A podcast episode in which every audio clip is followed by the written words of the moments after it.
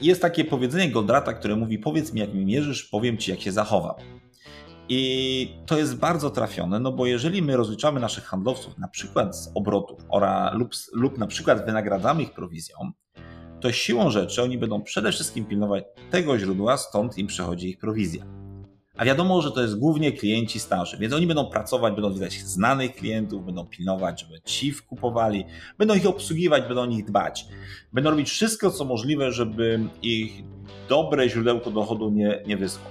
Jednocześnie dużo mniej chętnie będą wysięgać po nowych klientów, którzy są mniej komfortowi, bardziej wymagający i bardzo, bardziej, bym powiedział, problematyczni. I oczywiście w naturalny sposób mają niższe prawdopodobieństwo e, powodzenia.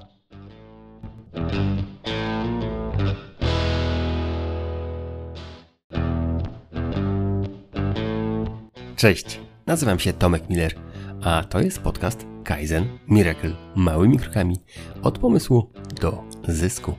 Ten podcast tworzę dla liderów, przedsiębiorców i tych, co chcą nimi zostać.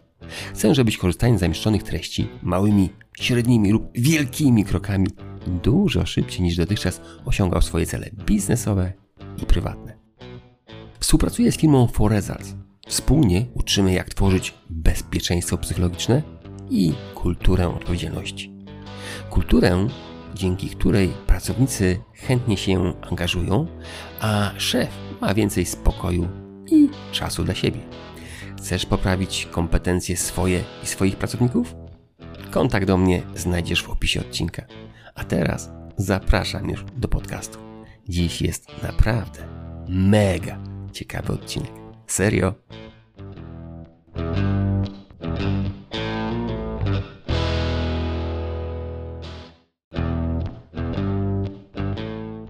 I jeszcze ogłoszenia parafialne. Być może ktoś chciałby się poznać bliżej. Już niedługo będę brał udział w trzech bardzo ciekawych wydarzeniach. 28 września odbędzie się kolejny Accountability Culture Congress. Na pewno będzie to bardzo interesujące wydarzenie. Już dzień później będę uczestniczył w Haston City Hotel we Wrocławiu w wydarzeniu Ewolucja. Daj się zainspirować. Przez dwa dni będziesz mógł się dowiedzieć, jak rodzić sobie w biznesie w dzisiejszych czasach. W sobotę będę miał tam warsztat Lider na zmienny czas. A już kilka dni później, 3 października, wraz z Kasią Dąbrowską poprowadzimy webinar Jak przestać nieświadomie demotywować i zacząć angażować pracowników. Linki do tych wydarzeń zamieszczam w opisie tego odcinka. Z kim się zobaczę? Zobaczymy. Na razie, cześć.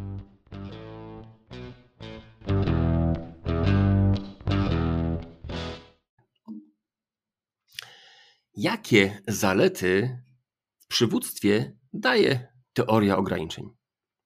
Ponoć w Japonii, w kraju, która jest kolebką Kaizen, rząd chce, żeby przy zamówieniach rządowych, żeby firmy korzystały z teorii ograniczeń. Hmm. Dość ciekawe, prawda? Teoria mówi o tym, żeby zawsze koncentrować się tam, gdzie jest najsłabsze ogniwo firmy. Wcześniej o teorii ograniczeń rozmawiałem w tym podcaście z Pawłem Urbasiem i Jackiem Branasem. Bardzo do tych odcinków zachęcam i polecam, żebyście odsłuchali. A dziś zapraszam do rozmowy z Pawłem Szmytem. Paweł jest prezesem Instytutu Zarządzania Ograniczeniami TOC, wykładowcą, trenerem. Od lat inspiruje ludzi do tego, żeby właśnie korzystać z tej metody. Przeczytałem, że teoria ograniczeń pomaga w zwiększeniu sprzedaży, poprawie wydajności produkcji, a także w zwiększeniu poziomu zaangażowania i efektywności zespołów ludzkich. I właśnie o tym ostatnim bardzo chciałbym z Pawłem porozmawiać. Także zapraszam do rozmowy. Cześć Paweł. Witam Cię Tomku. Paweł, to Kajzenowy podcast i zawsze swojego gościa proszę o to, żeby się na początku przedstawił w dwóch, trzech zdaniach. Już trochę się przedstawiłem, ale jakbyś mógł coś dopowiedzieć, będzie bardzo fajnie. Bardzo mi miło. E, ja mam na imię Paweł. Rzeczywiście zajmuję się czymś takim jak TOC, czyli takim strategicznym zarządzaniem, który skupia się na tym, żeby zrozumieć, gdzie jest ograniczenie. Bo jeżeli wiemy, gdzie jest ograniczenie, wiemy, gdzie skupić naszą uwagę i gdzie zastosować te wspaniałe narzędzia, między innymi o których Ty mówisz na swoim podcaście regularnie, mm -hmm. wszystkie cudowne narzędzia, które nam przynosi świat Toyoty czy świat Lean. I dlatego TOC jest tak wartościowy, że pomaga no właśnie, zrozumieć, gdzie jest nasze ograniczenie i w odpowiedni sposób się na nim skoncentrować. Bo najczęściej mhm. my wiemy, gdzie mamy problem, tylko nie do końca wiemy, jak do niego podejść. Mhm. Wiem, że na dzisiaj planowaliśmy rozmawiać trochę bardziej w kierunku innym niż typowo TOC, ale jeżeli mamy mówić o stricte TOC, to rzeczywiście zrozumienie, gdzie jest ograniczenie, jest fundamentem. Dobrze. Co, ja bym faktycznie chciał się skupić na przywództwie, ale jeżeli możesz tak naszym słuchaczom na początku powiedzieć, o co chodzi z tą teorią ograniczeń, jak szukać te ograniczenia, które są dla nas istotne. Tak jak mówiłeś przed chwileczką, że często wiemy, że są ograniczenia, a nie wiemy, gdzie one są. To jak je tak, szukać? Znaczy jak jedno, ograniczeń? Jedno, no. i, i jednym z największych wyzwań jest rzeczywiście zrozumienie, gdzie jest ograniczenie. I mhm. tu jest kilka rzeczy. Po pierwsze, najczęściej to, co widzimy, to jest fizyczna manifestacja ograniczenia. Czyli widzimy na przykład maszynę, która nie wyrabia się, która z jakiegoś powodu nie pracuje wystarczająco szybko, nie wyrabia się z produkcją, na której się pojawiają zatory, opóźnienia mm, i różne perturbacje. Teraz najczęściej wynika to z tego, że moce produkcyjne tej konkretnej maszyny są niewystarczające albo nieadekwatne do tego, co potrzebujemy. Mhm. Ale to nie zawsze tak jest, bo dużo częściej jest tak, że wynika to z tego sposobu, jak my zarządzamy tą maszyną i w ogóle środowiskiem pracy. Czyli dla przykładu, nie wiem, ta maszyna ma wiele przerw związanych, nie wiem, z e, czynnościami technicznymi, z przerwami pracowników na jedzenie, z różnymi procedurami, które prowadzimy wokół tej maszyny, ale niekoniecznie one są koniecznością, tylko są pokłosiem pewnych polityk, które w firmie stosujemy. No i w związku z tym firma mówi, mamy ograniczenia z tą maszyną, a tak naprawdę ta maszyna nie pracuje na pełnych obrotach, albo nie przynajmniej nie pracuje w takim wymiarze, by mogła pracować. Mhm. Więc jak mówimy o eliminacji ograniczeń, zawsze zadajemy sobie pytanie, czy możemy lepiej wyzyskać lub wyeksploatować maszynę, czyli zadbać o to, że ona pracowała więcej i częściej. Teraz przy mhm. maszynie to jest relatywnie proste, natomiast jeżeli ograniczenie jest gdzie indziej, na przykład w systemie zarządzania czy w sprzedaży, to już się to robi dużo bardziej złożone. Okej, okay, a jak już zaczęliśmy z tą maszyną, to co zrobić, żeby ta maszyna zdziałała efektywnie? Jakbyś mógł tak podpowiedzieć, jakie, jak już mamy taką maszynę, która działa, ale nie działa na 100%, to gdzie szukać tych ograniczeń, żeby sprawić, że ta maszyna działała faktycznie efektywnie no, i sprawnie i dawała na więcej zysków? Jak spojrzymy na firmy, z którymi gdzieś tam mamy styczność, to zauważamy, że przynajmniej połowa firm, jeżeli nawet dwie trzecie, jak przychodzimy do tej firmy, pytamy, gdzie macie ograniczenia, mówią od razu, o, to jest nasze ograniczenie. I pokazują nam od razu pierwszą maszynę, nie wiem, obszar pracy, pewien proces. E, często to jest proces montażu, czasami to jest bardzo droga maszyna, czasami to jest bardzo energochłonna, ale najczęściej, bardzo często wiedzą, gdzie jest ograniczenie. Natomiast jak pytamy, co robicie z tym ograniczeniem, oni mówią, no zarządzamy nim, ale tak naprawdę jak przechodzimy do szczegółów, okazuje się, że ta maszyna w żaden szczególny sposób nie jest traktowana. My lubimy e, mówić o ograniczeniu jak o dziecku. Czy jakbyśmy szli na przykład na spacer w góry z dzieckiem, to my to dziecko będziemy w szczególny sposób traktować. Czyli nie wiem, będziemy mieć za to dziecko plecak, będziemy je motywować, zachęcać, będziemy dbać, żeby szło najczęściej jak to jest możliwe um, i będziemy różne zachęty stosować, żeby to dziecko szło. Natomiast z maszyną, mhm. nawet jak wiemy, że jest ograniczenie, najczęściej nie robimy żadnych wyjątków. Stosujemy, traktujemy ją jak każdą inną. Czyli dla przykładu, tak jak każda inna maszyna, ta maszyna ma przerwę na lunch. Teraz ja nie wiem jak wy, mhm. ale z mojej perspektywy maszyna bardzo rzadko potrzebuje zjeść lunch czy śniadanie czy obiad. Człowiek, który ją mhm. obsługuje, tak i owszem. Więc na przykład pierwszą rzecz, która jest taką najłatwiejszym chwytem, który każdy z nas może zastosować w swojej firmie, w swojej organizacji, jest zadać sobie pytanie, czy rzeczywiście moja maszyna, która jest wąskim gardłem, e, pracuje w czasie przerwy na lunch. Teraz jak mhm. ona może pracować, bo możemy na przykład innego operatora, innego pracownika albo brygadzistę przesunąć na tą maszynę, żeby on ją obsługiwał w czasie przerwy, to nagle zyskujemy, nie wiem, 5, 10, 15% mocy produkcyjnych, co wiecie, jak dużo trzeba włożyć wysiłku metodami Kaizen, żeby wycisnąć 10% mocy produkcyjnych z maszyny. A tu no to leży na stole. A to leży na stole. Po prostu ta maszyna stoi, nie?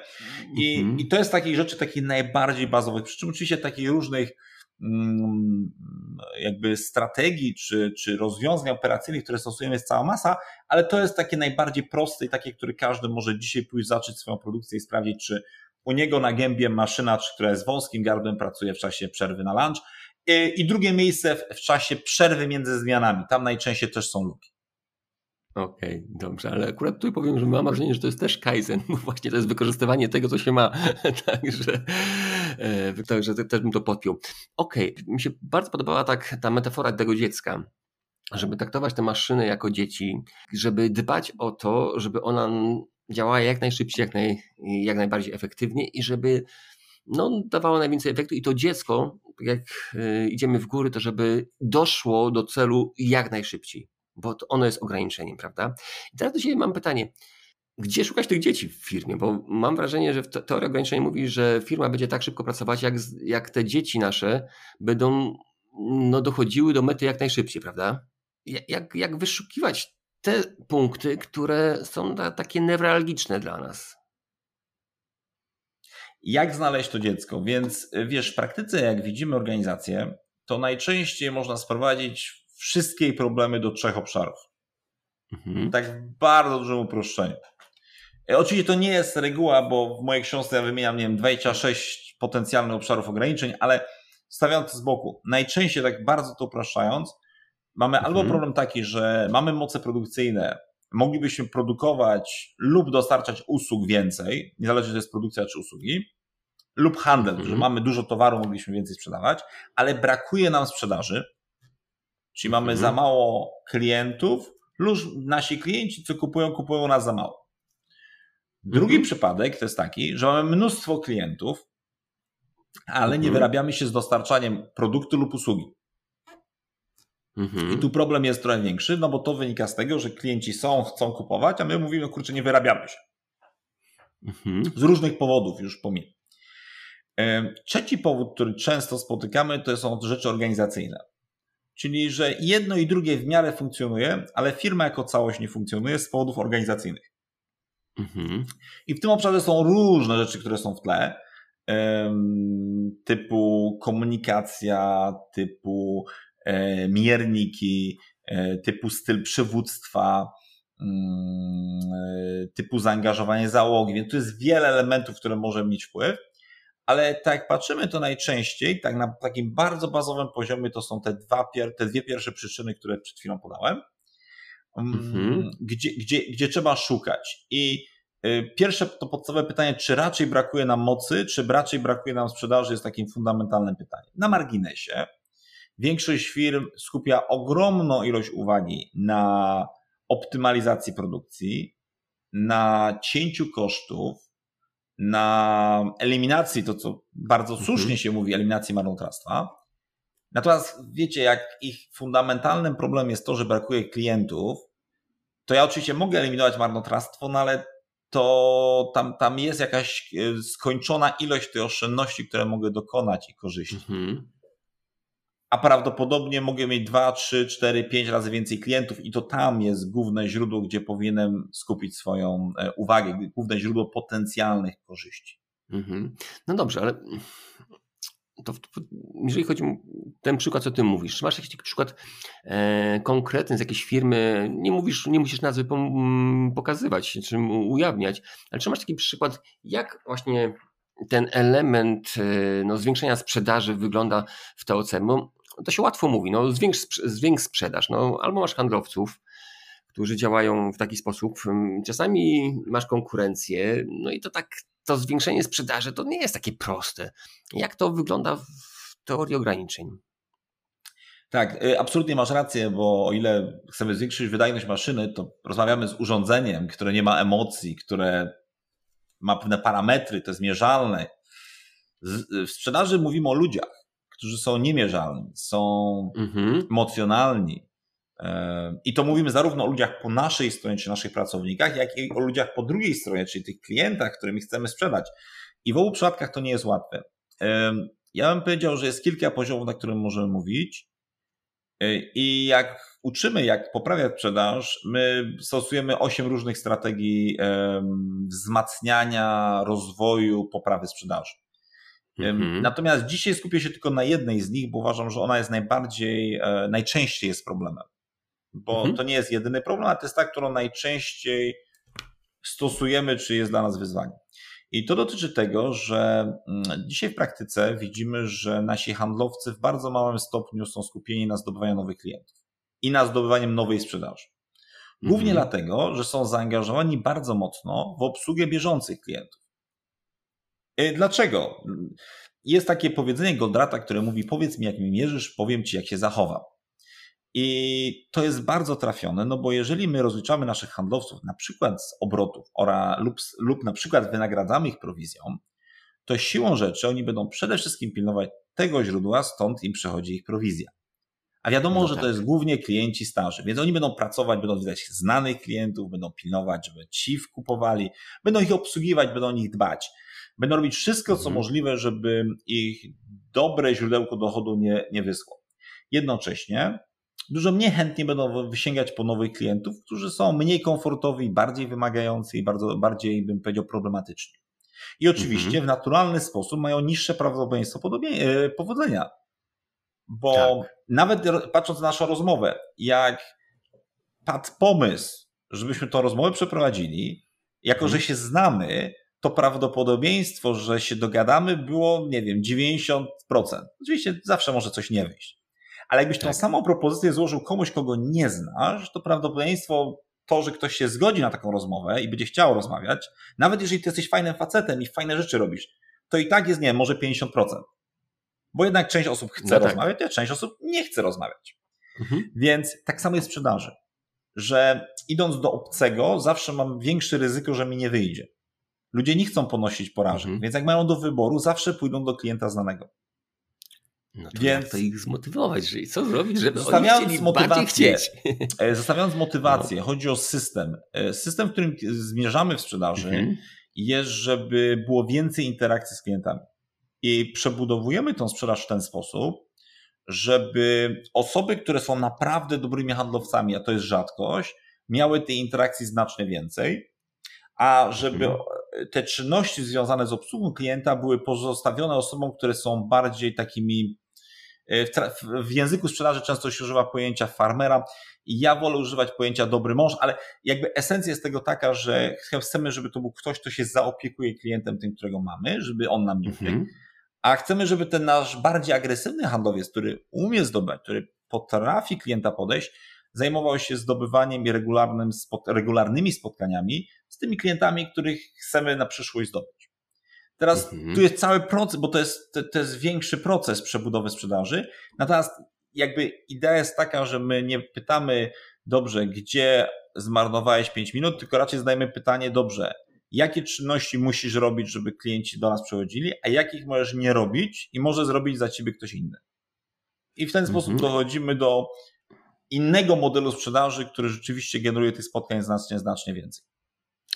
Tak innymi słowy, to jest takie wyszukiwanie mm, super mocy, super talentów do Twoich pracowników i sprawdzanie, który jest takim pracownikiem, e, no właśnie fighterem, który chętnie i lubi e, poszukiwać klientów i chętnie lubi rozmawiać z innymi i dać jemu do działania właśnie, tak, w cudzysłowie, atakowanie, e, a drugi, który ma właśnie takie takie cechy dobrego męża czy takiego farmera, dać mu takie zadania, które koncentrują się na tym, żeby utrzymywać dobre relacje z klientem, żeby o niego zadbać, żeby on się ten klient dobrze poczuł, tak? Dokładnie tak. I no, notabene my używamy takiego właśnie nazewnictwa, które jest troszeczkę mhm. inne niż to, co stosuje większość rynku. E, my na to mówimy dobry mąż i na tego bardziej agresywnego mówimy kasanowa, e, Aha. który ma zdobywać. Okay. Notabene, on jest świetny w zdobywaniu ten Kasanowa najczęściej, ale dużo słabszy w utrzymywaniu relacji.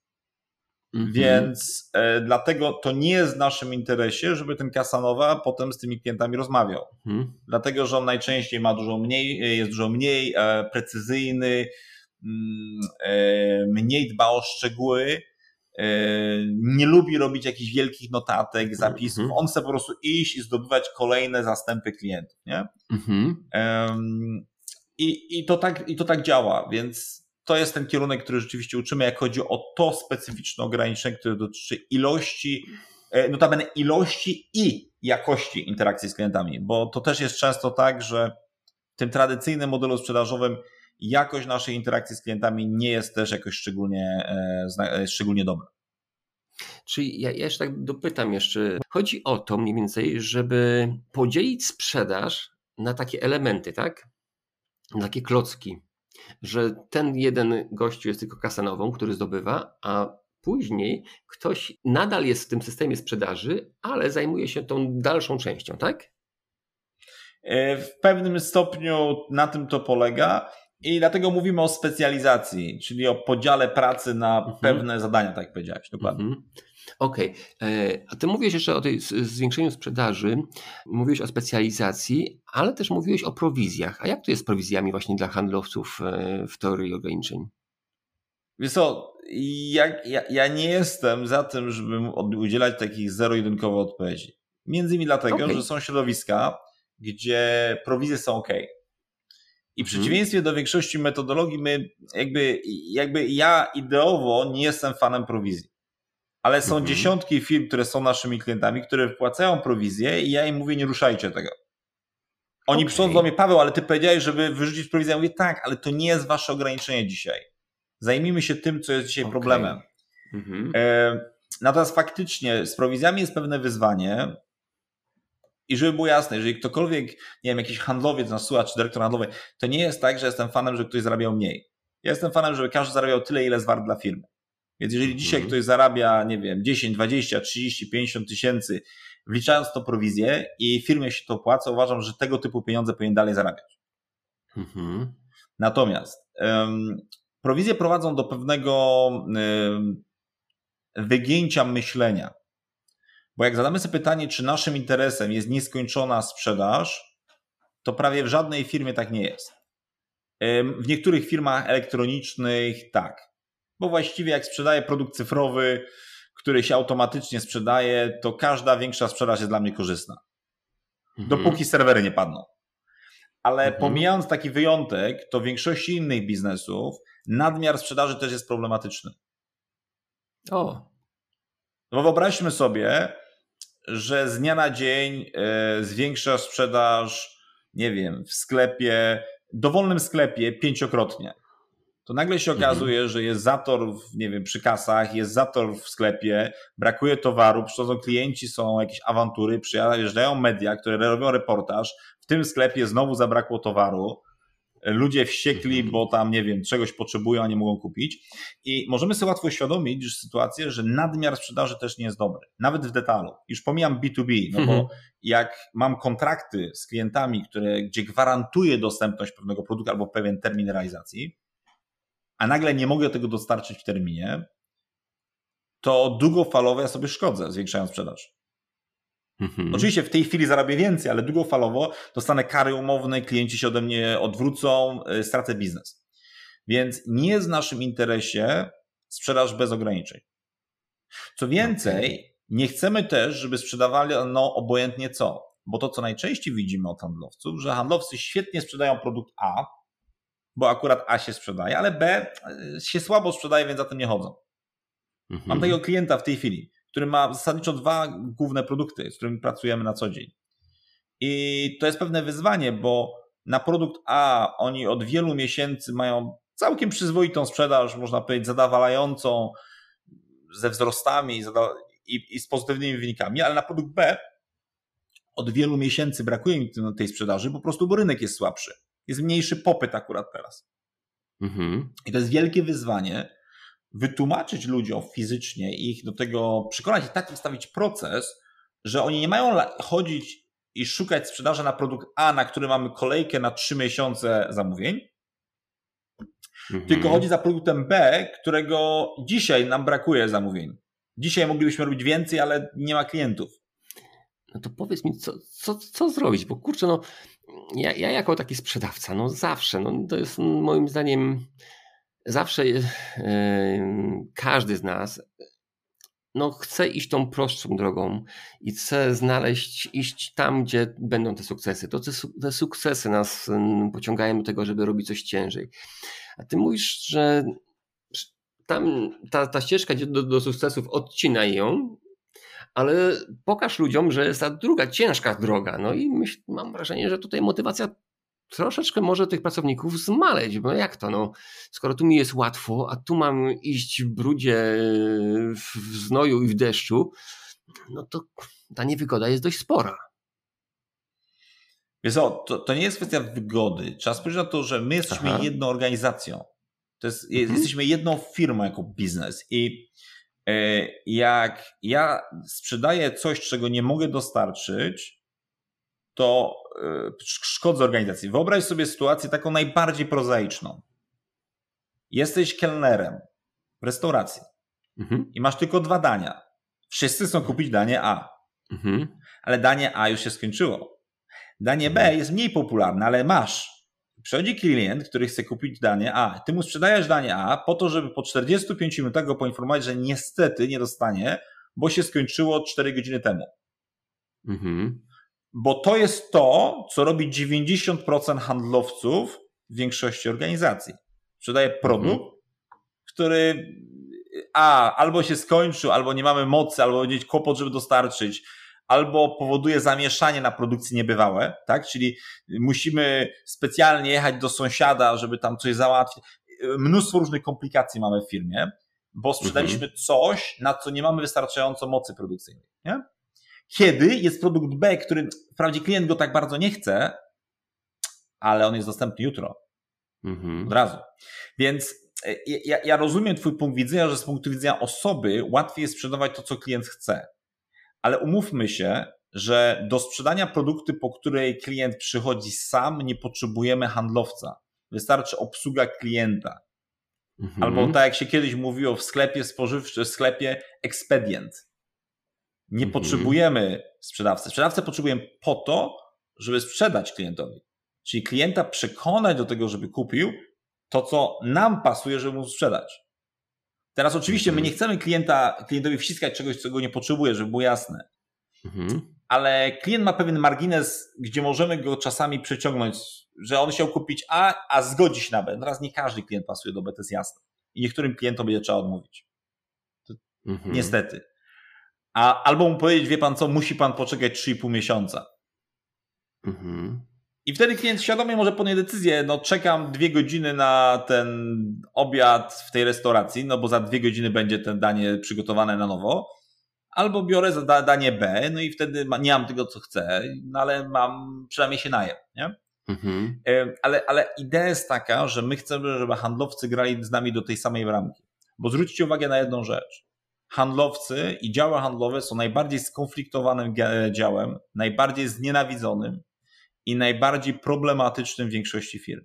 Nie dlatego, że oni nie lubią innych ludzi, tylko dlatego, że oni sprzedają, tak jak mówiliśmy, głównie produkt A, który się świetnie sprzedaje, ale niekoniecznie na kuchni lubią go przygotowywać. Okej. Okay. To ja mam tu też pytanie, bo wiesz, dotknąłeś takiej rzeczy, która akurat przyznam, że też chcę przygotować o tym podcast, o stilosach, o stilosach firmie. I tutaj mówiłeś właśnie o handlowcach, e, którzy są skonfliktowani z, z innym e, działem. No właśnie, jak sprawić, żeby w firmie no, ludzie, konfliktów było jak najmniej, a tych silosów było jak, też jak, jak najrzadziej, żeby ich one się w ogóle nie pojawiały, nie? Ja bym powiedział, pierwsza, najważniejsza rzecz, jest e, wyrzucić większych książek o zarządzaniu, które czytaliście dotychczas.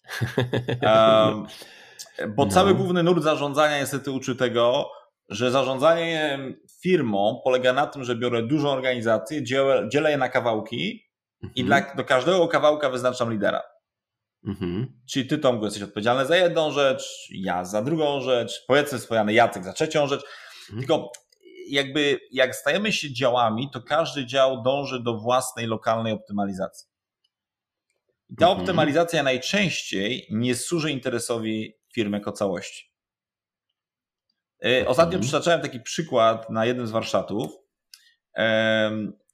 Jakby nie jest nowością, że w Polsce wiele firm e, budowuje, buduje swoją przewagę konkurencyjną w oparciu o elastyczność, czyli robi dużo rzeczy, które klient sobie życzy, na przykład klient zachodu, Dużo mhm. więcej niż wiele innych firm konkurencyjnych, ale dzięki temu tego klienta zdobywa i utrzymuje. Mhm. Jeżeli w tej samej sytuacji spojrzymy lokalnie, na przykład na dany dział montażowy, który mówi, wiecie, posiadanie sześciu rozwiązań technologicznych do tej samej funkcjonalności nie ma sensu. Ja się zgadzam, lokalnie ma najmniejszego sensu. Ale strategicznie dla tej firmy to jest powód, dla którego my wygrywamy z konkurentami, którzy są dużo potężniejsi, e, bardziej zasobni kapitałowo, mają lepszą markę mhm. E, i mają całą grupę kapitałową, która za nimi stoi. A my jednocześnie wygrywamy. Dlaczego? Bo jesteśmy elastyczni. I teraz jak spojrzymy lokalnie, to lokalnie będziemy zawsze dążyć do tego, żeby zmniejszyć tych rozwiązań z 7 do na przykład 3, bo 3 będzie nam łatwiej produkować. Oczywiste, tak? Mhm. No Problem tak. polega na tym, że to jest loka, optimum lokalne i to jest, i wtedy tworzymy silos. Dlatego myśląc mhm. o zarządzaniu takiej jak, jak firmy jako całością, powinniśmy dążyć do tego, żeby e, patrzeć na mierniki bardziej globalne, takie jak zysk, taka jak, takie jak strategiczna przewaga konkurencyjna, takie jak bym powiedział, satysfakcja klienta, ale tu też bardzo ostrożnie, bo jakby my musimy zadbać o satysfakcję klienta, ale to, co nas też nauczyła Toyota, efektywność jest też ważna. Więc to musi być zdrowa równowaga między satysfakcją klienta a efektywnością. Notabene Toyota robi to y, bardzo systemowo. Na pewno zwróciliście Państwo uwagę, że w Toyocie, jak kupujemy samochód, to jest tylko ograniczona liczba konfiguracji, które można wybrać. To wynika między innymi z tego, że oni powiedzieli tak, chcemy zadowolić klienta, ale chcemy mieć też łatwo na produkcji. Mhm. Jedno i drugie. Kiedy na przykład, jak spojrzymy na producentów bardziej europejskich, no to większość firm ma jednak dużo więcej opcji, które można sobie wybrać w samochodzie co niestety oczywiście powoduje więcej trudności na produkcji. Okej. Okay. Więc wracając do Twojego pytania, walka z silosami zaczyna się tam, gdzie tworzymy właściwe mierniki. No. I to jest punkt wyjścia. To, to co zrobić, żeby tych silosów nie było? Mm, ja może po, po, dam, dam przykład odwrotny. E, nadmierne stosowanie lokalnych mierników jest główną przyczyną silosów. Mhm. I teraz to jest to, co ja podam, powiem, jest troszeczkę moją autorską koncepcją, ale jakby ja nie, twierd- nie jestem wystarczająco ekspertem, żeby powiedzieć, że to jest jedyny powód, ale mhm. przytoczę przykład piłkarza, który przez całe lata był um, wzorem i, i jednym z liderów we wszystkich rankingach w Europie. I potem był pierwszy klub, w którym mu się w zasadzie nie powiodło. I wiele osób zastanawiało się dlaczego. Jak gdzieś wyczytałem, to jest bardzo ciekawe, że to był klub, w którym on dostawał nagrodę w postaci bonusu za ilość strzelonych bramek. Mhm. Teraz jak spojrzysz na to, jak, jak grasz jako zespół, to najważniejsze jest wygrać jako zespół. Ale jak masz dodatkowy motywator, żebym ja wygrał, żebym ja strzelił bramkę i za każdą strzeloną bramkę dostaję dla przykładu pół miliona funtów, to pojawia się sytuacja bardzo niezręczna, w której bardzo szybko ta informacja krąży w drużynie. Teraz, mhm. jeżeli ja jestem tym napastnikiem i nazywam się Ronaldo, a ty jesteś tym pomocnikiem, który ma mi podać piłkę, i ty w głowie wiesz, że ja mam bonus za tą kasę, za to strzelenie bramki, czy chętnie mi podasz, czy raczej może trochę gorzej ci będzie z tym podaniem tej piłki? Teraz, dlaczego? No. W gruncie rzeczy będziesz myślał zupełnie naturalnie, że jak ty zaczniesz więcej bramek strzelać, to może ty też dostaniesz ten bonus. Mhm. I teraz za chwilę dochodzimy do sytuacji, gdzie nie ma drużyny, gdzie każdy walczy o swoje. I no dobrze, no to, to jest no. jedno ze źródeł, moim zdaniem, niepowodzenia tego wielkiego piłkarza e, mhm. Wielkiej Brytanii, mhm. ale to jest jedno z głównych źródeł również, dlaczego powstają silosy. Bo dzielimy firmy na kawałki i każdej z nich dajemy lokalny miernik. I niestety w efekcie mamy w cudzysłowie napastników, którzy chcą strzelać bramek, ale nikt im nie chce podać Mhm. Mamy pomocników, którzy biegają gigantyczne ilości kilometrów i e, podają mnóstwo piłek, ale nie w stronę napastników, bo tam jest większe ryzyko, że ktoś je przejmie. Mhm. I mamy obrońców, co stoją bardzo mocno na swojej strefie i nikogo nie chcą przepuścić. Poza tym, że jak ten napastnik biegnie, to ich mija właściwie. Więc wracając do esencji, mm, to jest to, co widzimy w organizacjach, że każda część działa jak osobna firma w firmie. No dobrze, no to powiedz mi, ja dopytam jeszcze, no co zrobić, żeby, żeby ta firma działała jako całość, nie? Bo to jest moim zdaniem mega trudne. E, jakie są pomysły z TOC, żeby właśnie każdy no, wiedział, że działa jako zespół? Bo mam wrażenie, że ten własny kocy ma 2 metry na 2, a, nie, a nie 30 na 30. Jak, jak sprawić, żeby ten kocyk był po prostu taki duży? E, wiesz co, tak, to jest pewne wyzwanie. Ja bym powiedział o dwóch obszarach. Jeden to jest mierniki, drugi to jest styl przywództwa. I zaczynając od tego Aha. tematu, który mm, ja bym powiedział jest bardziej problematyczny, no bo niezależnie od stylu przywództwa, jeżeli mam złe mierniki, to nigdy nie będę dobrze funkcjonował. Mhm. Um, jeżeli ja będę rozliczał um, handlowców z obrotu, mhm. notabene zdziwilibyście, jak wiele organizacji dalej płaci prowizję handlowcom od obrotu. Nie mhm. od marży, nie od zysku, zwałek zwał, mhm. ale od obrotu. Mhm. Mam świadomość, że to jest najwygodniejszy sposób rozliczania. Ale wtedy bardzo szybko dochodzimy do sytuacji, w której handlowiec nie ma żadnego specjalnego interesu, żeby zadbać o marże, które firma generuje. Mhm. On sprzedaje po prostu po najmniejszej linii oporu, będzie sprzedawał najtaniej jak się da. Wtedy organizacja oczywiście wprowadza jakieś ograniczenia, co nie zmienia jednak faktu, że interes i cel handlowca jest inny od celu firmy. Mhm. Na poziomie ogólnym. Teraz, jak on dostaje prowizję, on będzie sprzedawał pro, produkty, tak jak mówiłem wcześniej, A, które są łatwiejsze, kosztem produktów B, które są trudniejsze do sprzedania, ale na które na przykład mamy moce, żeby je wytworzyć. W efekcie czego produkcja nie będzie mogła robić B, bo na to nie ma zamówień, a klienci na A będą coraz mniej zadowoleni, bo kolejka i czas oczekiwania będzie coraz dłuższy. Więc to tylko dając taki przykład a propos miernika. Więc jakbyśmy patrzyli na miernik, prawdopodobnie powinniśmy pójść w kierunku miernika, gdzie my oczekujemy od handlowców, żeby oni zapełnili nasze moce produkcyjne. Mhm. I, mm, I jakby założenie jest takie, że jeżeli my możemy dostarczyć, nie wiem, 5A i 3B w tygodniu, to on powinien sprzedać 5A i 3B a nie ile się da A, ile się da czegokolwiek. Okej. Okay. Tylko większość firm nie ma tej, tej, tej, odpowiedzi zdefiniowanej. W związku z tym klient, sprzedawca przychodzi i mówi, co mam sprzedawać? On mówi, no sprzedawaj. Idź mhm. sprzedawać. No i potem bardzo szybko się okazuje, że kolejka na jest długa, ale nie bardzo wiadomo, co z tym zrobić. Okej, okay. no ciekawe. I dziś, czyli, czyli to, co ja bym powiedział, na przykład w mhm. przypadku sprzedawcy, to bym powiedział, zdefiniujmy, co chcemy, żebyś w ogóle drogi sprzedawca sprzedawał.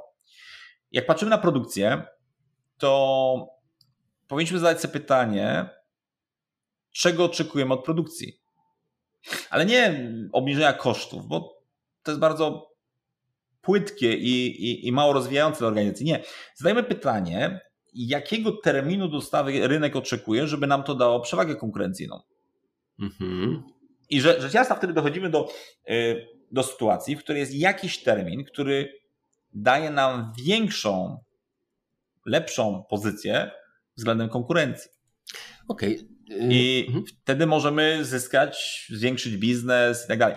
I wtedy produkcja działa tak, że uwzględnia potrzeby sprzedaży i sprzedaż działa tak, że uwzględnia potrzeby produkcji. No to no, czy możesz taki podać przykład takiej przewagi konkurencyjnej jednego z Twoich klientów albo jakiś taki, wiesz, żeby, no, przewaga konkurencyjna łatwo się mówi, nie? Ale co nią może być? Dla przykładu, jeden z klientów, z którymi pracujemy, czy pracujemy, pracowaliśmy, ale nadal pracujemy od wielu lat, e, z branży meblowej, e, w pewnym momencie wypracował takie rozwiązanie, żeby e, skrócić radykalnie termin dostawy swoich mebli. Mhm. Jeżeli rynek generalnie akceptuje i sankcjonuje terminy realizacji, teraz, teraz jest okres dość trudny dla mhm. branży meblarskiej, więc ten okres nie jest do końca adekwatny, ale jak patrzymy na taki okres dobrego rynku, który był jeszcze 2, 3, 4, 5 lat temu, to wtedy jakby e, główny rynek oferował termin e, dostawy dla klienta na poziomie między 6 a 12 tygodni. Mhm. I teraz jak na takim rynku ja przychodzę i mówię, słuchajcie, ja wam oferuję termin, który wynosi, nie wiem, na przykład dwa tygodnie, to w wielu przypadkach klient przychodzi i rozważa ten produkt, ten produkt, ten produkt, ten produkt no ale wie, że ma mało czasu. I ten produkt mu się bardziej podoba, ale na niego trzeba czekać 12 tygodni albo mhm. 6 tygodni. A na ten czeka tylko dwa. A teściowa do niego przyjeżdża na te tam chrzciny właśnie tak. za te dwa tygodnie, czy, czy. No. Więc ja, ja, jakby to jest taki najbardziej prozaiczny przykład i okay. E, on jest dokładnie wzięty z warsztatów, które kiedyś prowadziliśmy, gdzie przyjechała dosłownie ekipa z produkcji, ekipa menadżerów z dużej firmy meblarskiej produkcyjnej, powiedziała, słuchajcie, my chcemy, my, znaczy my chcemy zwiększyć sprzedaż, bo tam jest ograniczenie, ale my nie jesteśmy ze sprzedaży. Mhm. I to była ich strategia tak przebudować, przeorganizować produkcję, żeby móc robić szybciej, bo wtedy dzięki temu oni byli w stanie mm, dużo lepiej e, odpowiedzieć na potrzeby rynku i zdobyć dodatkowe zamówienia. Dobra. Paweł, e, już mówimy 40 minut, a jeszcze nie dotknąłem tego, co ja bym chciał, czyli o przywództwie. Powiedz mi w takim razie, jak w teorii ograniczeń na czym polega to przywództwo? Czy to jest takie hierarchiczne, czy to jest miękkie, czy to jest e, jakieś wypośrodkowane? Co zrobić, żeby, już mówiłeś tutaj mm, pierwsze, żeby lepiej zarządzać, to żeby wiedzieć, co robimy, żeby wiedzieć, e, co sprzedajemy, żeby nie dawać marży od obrotu, ale bardziej e, ten e, prowizji od, od obrotu, ale żeby na przykład od marży. E, Okej, okay, to są takie elementy zarządzania strategicznego. Ale co zrobić jako lider, no żeby się fajnie pracowało w tej firmie e, i żeby były efekty? Jak to wygląda właśnie z, no, z perspektywy TOC? Okay. więc ja bym powiedział, że założenia to, co bym powiedział najbardziej doceniamy w całym ruchu Kaizen, jest to, żeby angażować ludzi. Mhm. Uważamy, że to jest największa zasługa i za co bezwzględnie doceniamy, uznajemy. Mhm. Nawet jeżeli pewne rzeczy ze świata Kaizen nam nie do końca odpowiadają, to sam, sama idea zaangażowania mhm. ludzi jest fenomenalna. Mhm. Więc tu na pewno mamy pełną zgodność, że my chcemy, żeby ludzie byli zaangażowani i żeby z ludźmi rozmawiać. To jest po pierwsze. Po drugie, mm, nam zależy, żeby mm, ludzie rozumieli, do czego dążymy. Dlatego w większości firm, z którymi pracujemy, otwarcie ogłaszamy ambitny cel i mówimy o nim publicznie. Czyli bardzo często w większości firm, w większości korporacji wyniki są tak abstrakcyjne, że nikt ich nie zna, a w większości firm prywatnych są tak tajemnicze, że właściciel nie chce ich ogłosić, bo mówi, no wiesz, ludzie będą mi zazdrościć, nie wiem, porysują mi samochód, czy mhm. e, będą pytali, dlaczego ja mam 2 miliony zysku, a oni zarabiają tylko, nie wiem, średnią krajową, czy tam minimalną krajową. No, co, ty, e, co wtedy robić? I, I to jest pewne wyzwanie, ale e, wracając do tego, my jednak zachęcamy do tego, żeby pokazać ten ambitny cel i powiedzieć jasno, korzyści i mm, bezpieczeństwo pracy każdego z nas e, będą tym większe, tym lepsza będzie pozycja firmy. I mhm. my generalnie zachęcamy naszych klientów i firmy, które myślą w, w duchu TOC, aby dzieliły się korzyściami. Zresztą bardzo wielu naszych klientów, którzy stosuje TOC, e, rzeczywiście ma programy, gdzie w jaką, jakiejś części dzieli się zyskami z pracownikami. Czyli jeżeli firma zarobi X, to jakiś udział z X jest do podziału wśród pracowników. E, ale zostawiając to z boku, e, bo tu mówimy o takich bardzo twardych e, sposobach motywacji, to co uważamy, że jest kluczowe, mimo, niezależnie od pieniędzy, to jest to, żeby ludzie czuli, że robią coś wyjątkowego. Mhm. Żeby to było coś, co ich inspiruje, co ich porywa, co, co do nich przemawia. I na ten temat jest w ogóle fantastyczna książka, którą niedługo będziemy ponownie wydawać, która się nazywa Dobry Szef, Martwy Szef, gdzie mhm. nasz kolega z USA, Ray Immelman, napisał właśnie o tym, jak wykorzystać przywództwo plemienne. E, I to jest takie podejście, które mm, jest gdzieś na peryferiach TOC, ale rzeczywiście jest bardzo ciekawą koncepcją, bo ona pozwala nam zwiększyć zaangażowanie ludzi. Mhm. E, ludzie będą walczyć i będą starać się, będą wkładać więcej wysiłku w stopniu dużo bardziej dużo większym, dużo głębszym, z dużo większym, bym powiedział, oddaniem, gdy to będzie coś, co będzie ich inspirowało, gdy będzie cel, który będzie do nich przemawiał, gdy będzie, powiedzmy, wspólny wróg, który hmm. będzie dla nich e, elementem motywującym. Mhm. To podejście było stosowane i koncepcyjnie było wykorzystywane przez wszystkich wielkich e, liderów przeszłości, przez dyktatorów niestety również, ale idea zawsze była taka sama. Jak zjednoczyć e, różne grupy mm, ludzi mm, o różnych poglądach, różnych przekonaniach, o różnych potrzebach w jeden twór, który będzie działał zgodnie, sprawnie i efektywnie. I to podejście pozwala nam rzeczywiście zwiększyć radykalnie e, zaangażowanie ludzi. E, ja sam je mhm. stosowałem w swoim poprzednim biznesie, gdzie my robiliśmy, mieliśmy 50-osobową firmę doradczą. Mhm. Rzeczywiście bardzo fajnie to budowało takie poczucie jedności i zaangażowania naszych ludzi. I rzeczywiście to jest coś, co działa.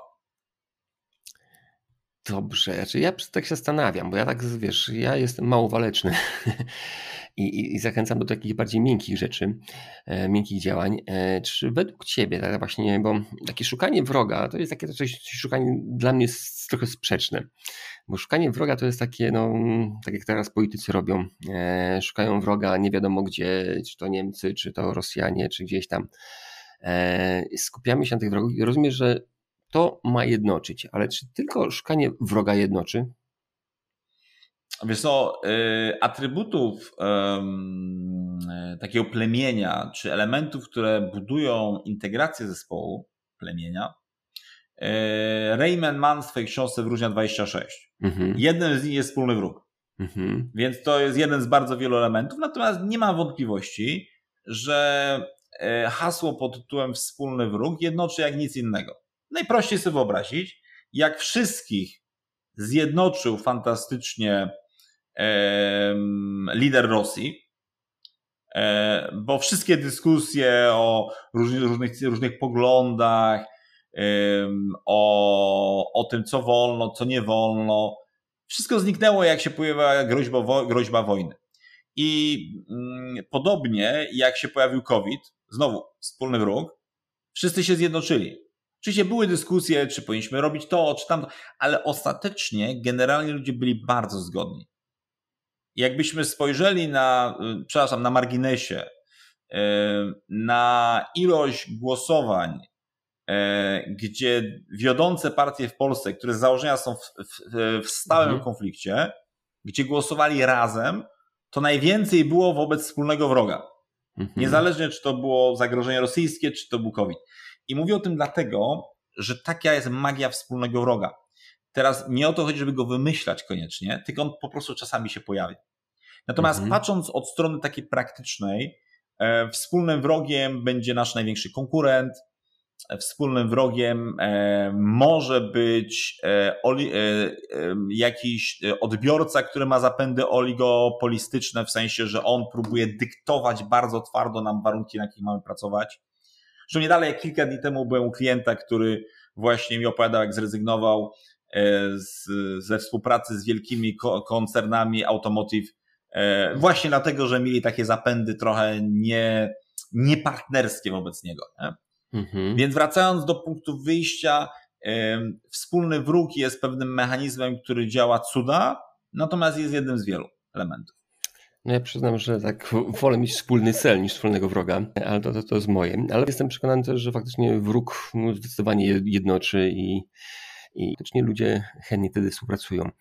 Okej, okay, ale mm, mówiłeś tu, jeżeli chodzi o tym elemencie zaangażowania ludzi, zaangażowania pracowników, żeby dawać im, żeby oni poczuli własne korzyści. Mówiłeś o tym, żeby się dzielić zyskami e, z pracownikami. Na czym jeszcze polega przywództwo w TOC?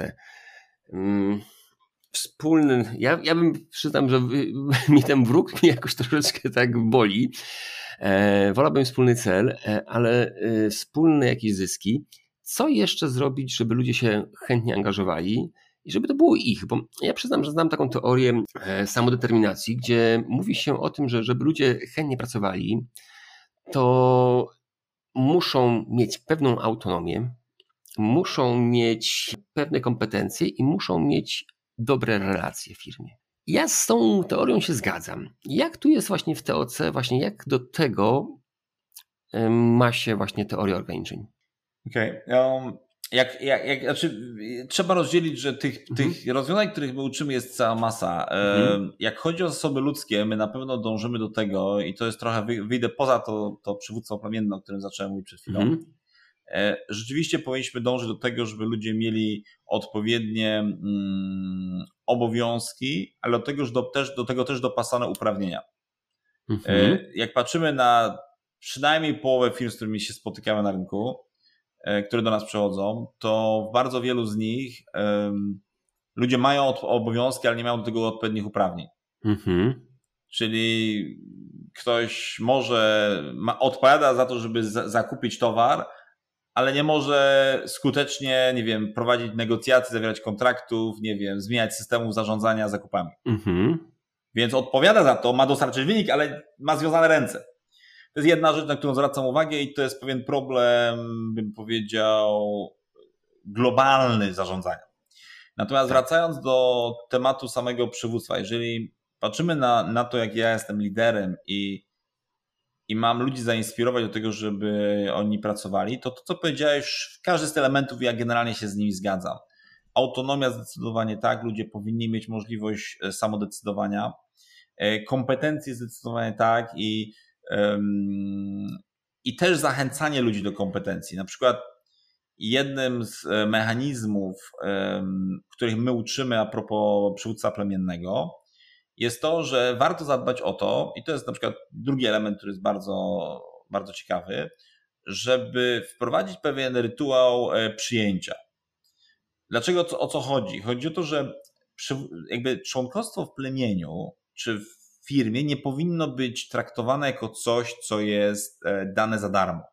Mhm. oczywiście dzisiaj jest rynek dużo bardziej pracownika niż pracodawcy, ale mimo wszystko um, to, co jest niedostępne, każdy z nas może sobie wyobrazić takie różne sytuacje ze swojego życia. To, co jest niedostępne, na pewno wzbudza dużo więcej emocji niż to, co jest powszechnie dostępne i łatwo dostępne.